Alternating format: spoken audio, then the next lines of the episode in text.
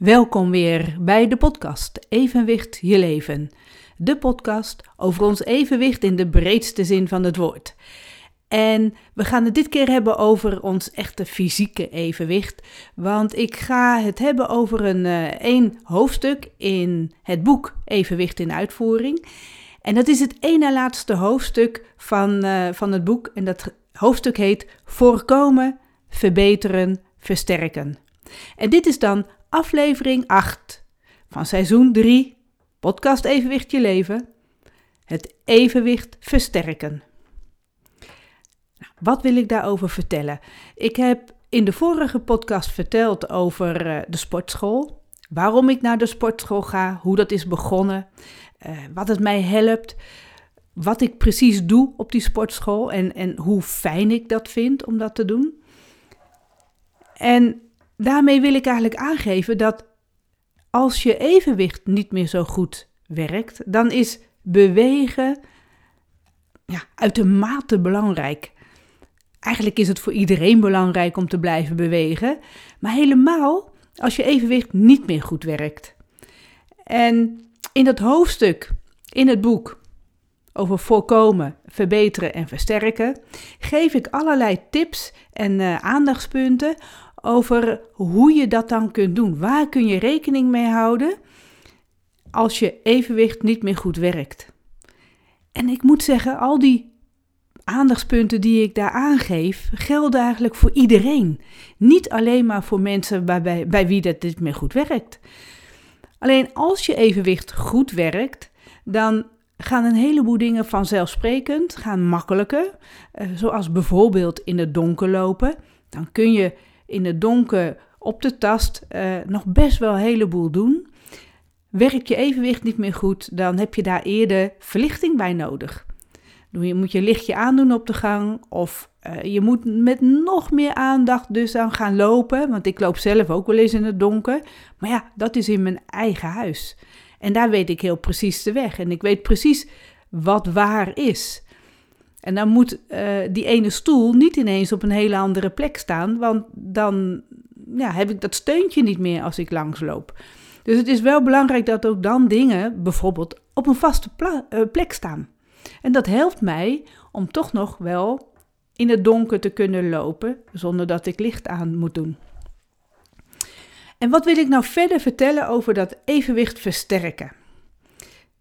Even weer terug ook naar die vorige aflevering over de sportschool. Wat ik niet verteld heb, is dat ik niet tot het uiterste ga.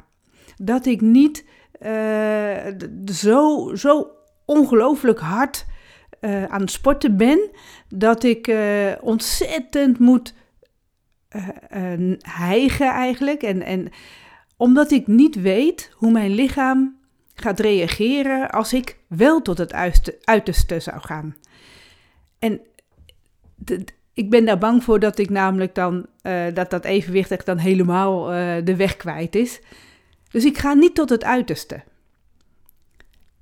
Wat ik dan wel doe, is dus dat ik op een andere manier dus toch wel zorg dat mijn uithoudingsvermogen beter wordt. Dat mijn conditie beter wordt. En dat is door het gewoon vaak te doen en wat langer te doen, niet te kort. En juist die herhaling en, en dat continue in de week dus bezig zijn, drie keer in de week sowieso. En op al die andere dagen toch blijven wandelen, blijven bewegen.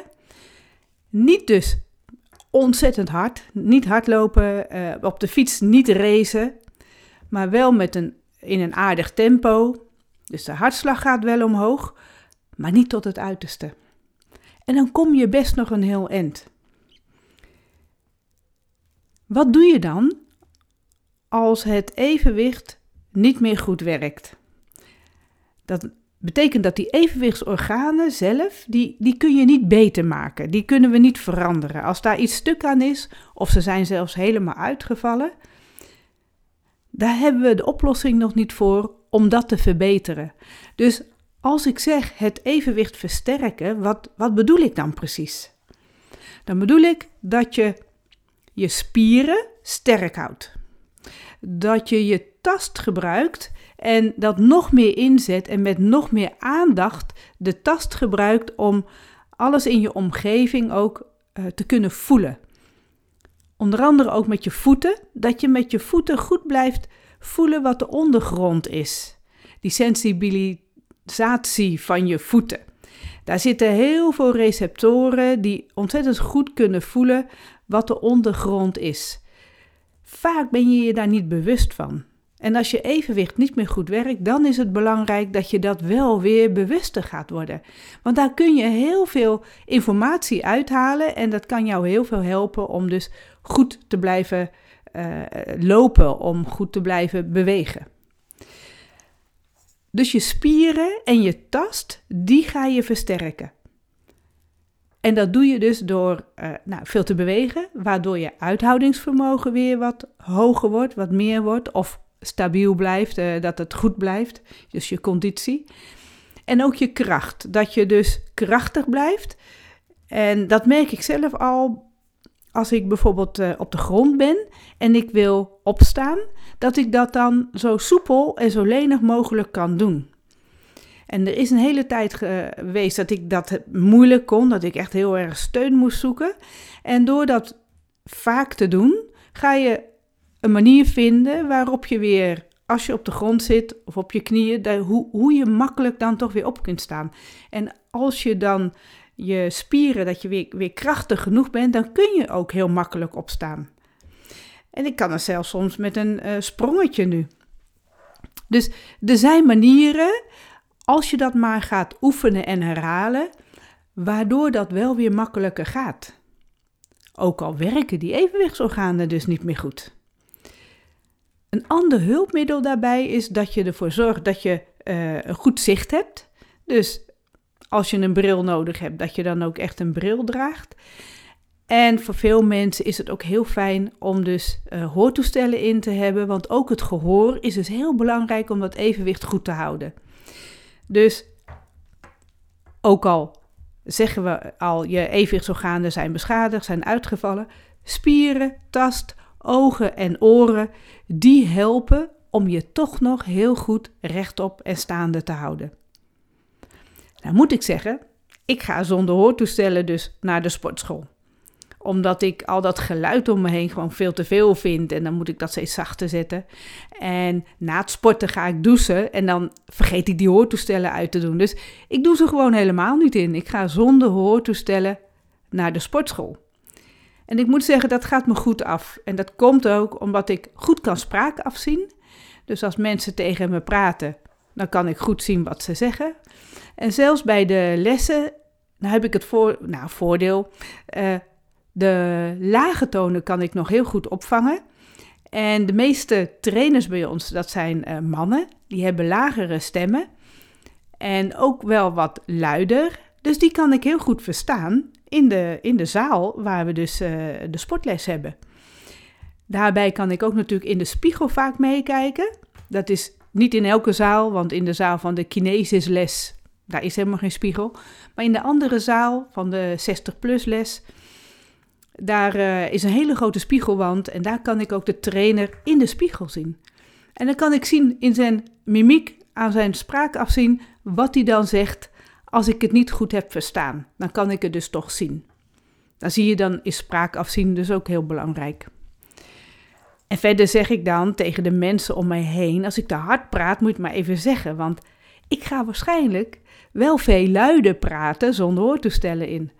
Dus moet je maar even zeggen dat het iets zachter moet. Dan moet ik zelf ook altijd een beetje bij nadenken dat ik uh, zelf ook in mijn enthousiasme niet, niet te luid ga praten. Maar ja, af en toe heb ik zo van ja, het is niet anders. Uh, ik ben nou iemand met een luide stem op het moment dat ik mijn hoortoestellen niet in heb. Goed, maar in het boek heb ik dus aandachtspunten en, en tips uh, in en om het huis wat je kunt doen om het evenwicht dus te verbeteren, te versterken. Het kan ook zijn op het werk. Dan zijn er weer andere dingen ook nodig. Uh, in de winkel. Mensen met evenwichtsuitval hebben moeite om in uh, winkels te komen, met name ook in supermarkten, omdat daar heel veel producten naast elkaar staan, uh, allerlei drukke patronen, vaak ook vervelende verlichting, ook nog eens een keer muziek erbij. dan is er een veelheid aan, aan, prikkelingen, allerlei prikkelingen om je heen. En als er ook nog heel veel mensen zijn, dan is het helemaal niet fijn om te winkelen. Nou, wat kun je dan wel doen? Dat, daar geef ik dan tips in. En ook uh, wat je buiten kan doen.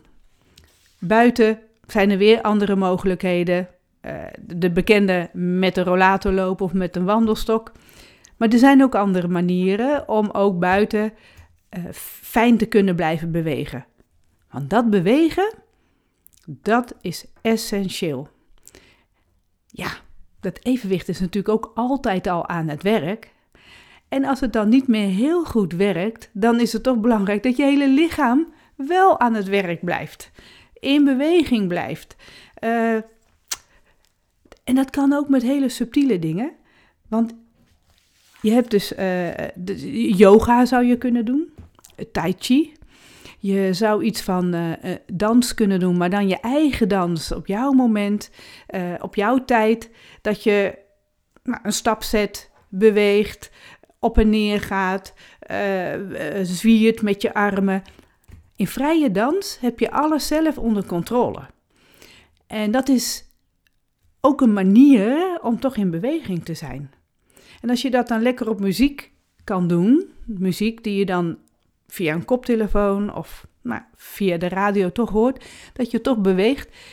Ja, dat is wel een hele fijne manier, als je dat lukt, om dus te blijven bewegen. En wat ik verder kan aangeven, waar ik heel veel van heb geleerd, is ismagogie. Ismagogie is een hele subtiele bewegingsleer.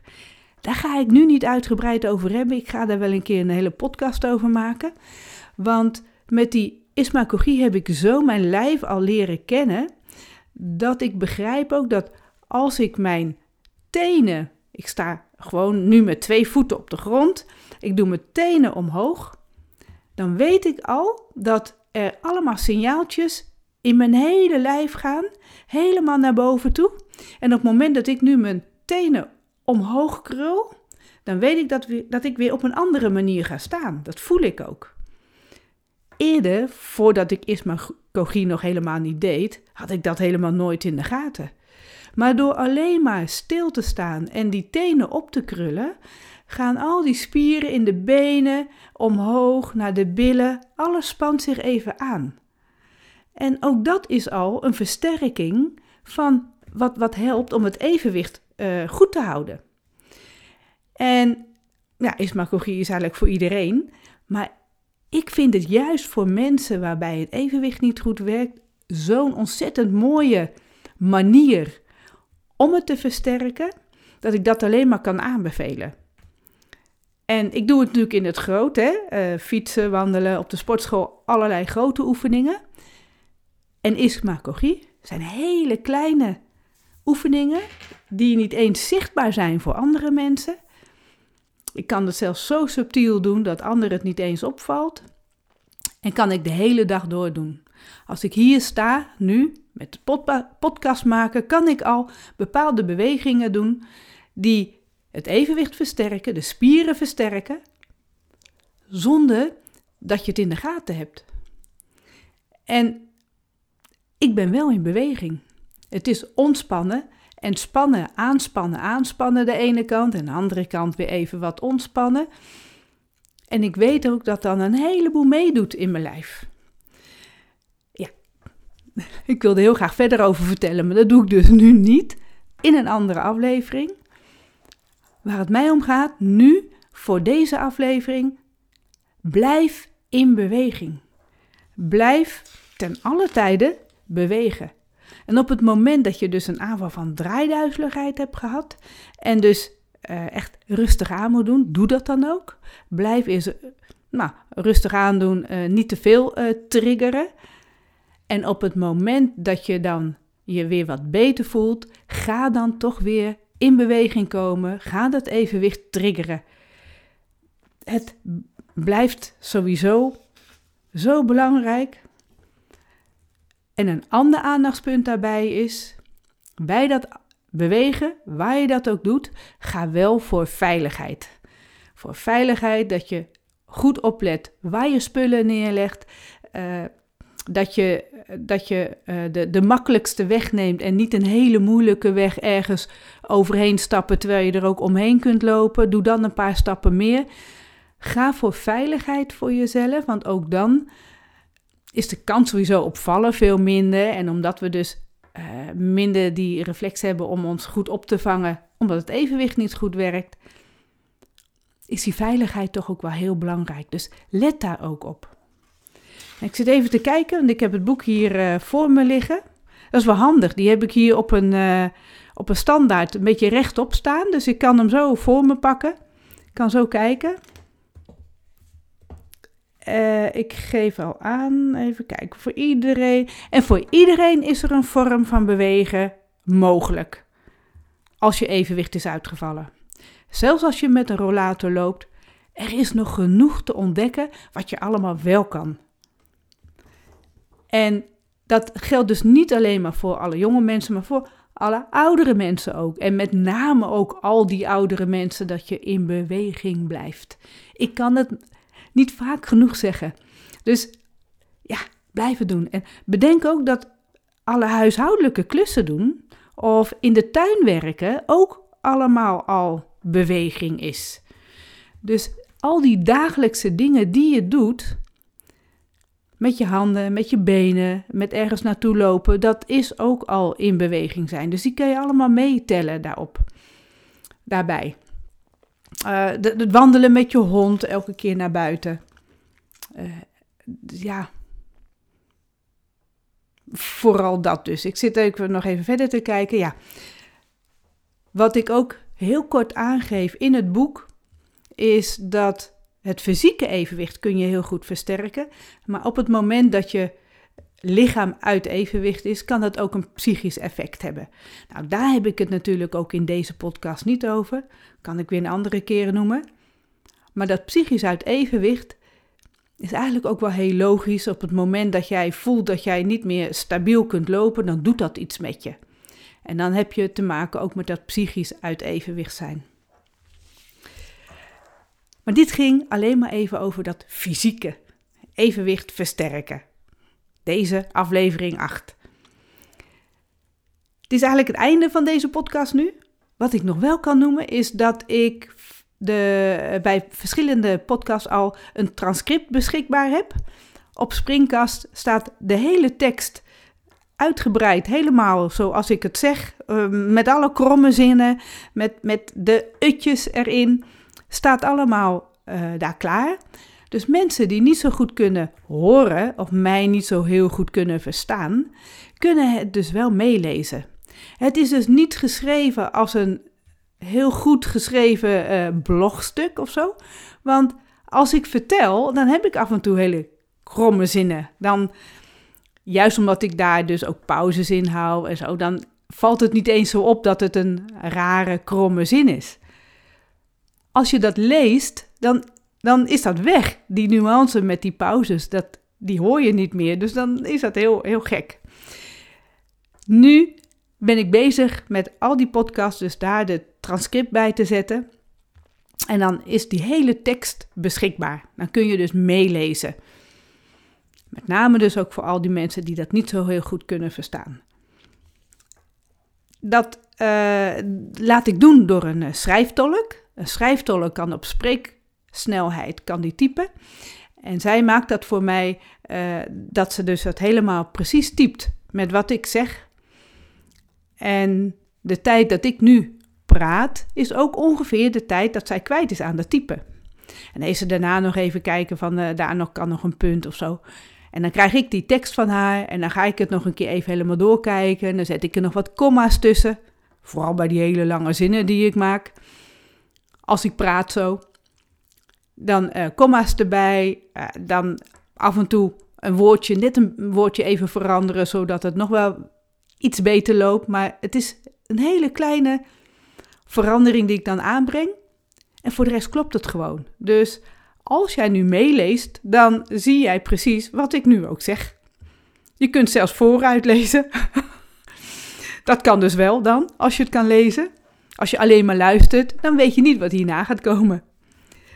En er komt ook eigenlijk niks meer na, want dit is het einde van deze aflevering van de podcast Evenwicht je leven. Dus dankjewel voor het luisteren en tot de volgende keer.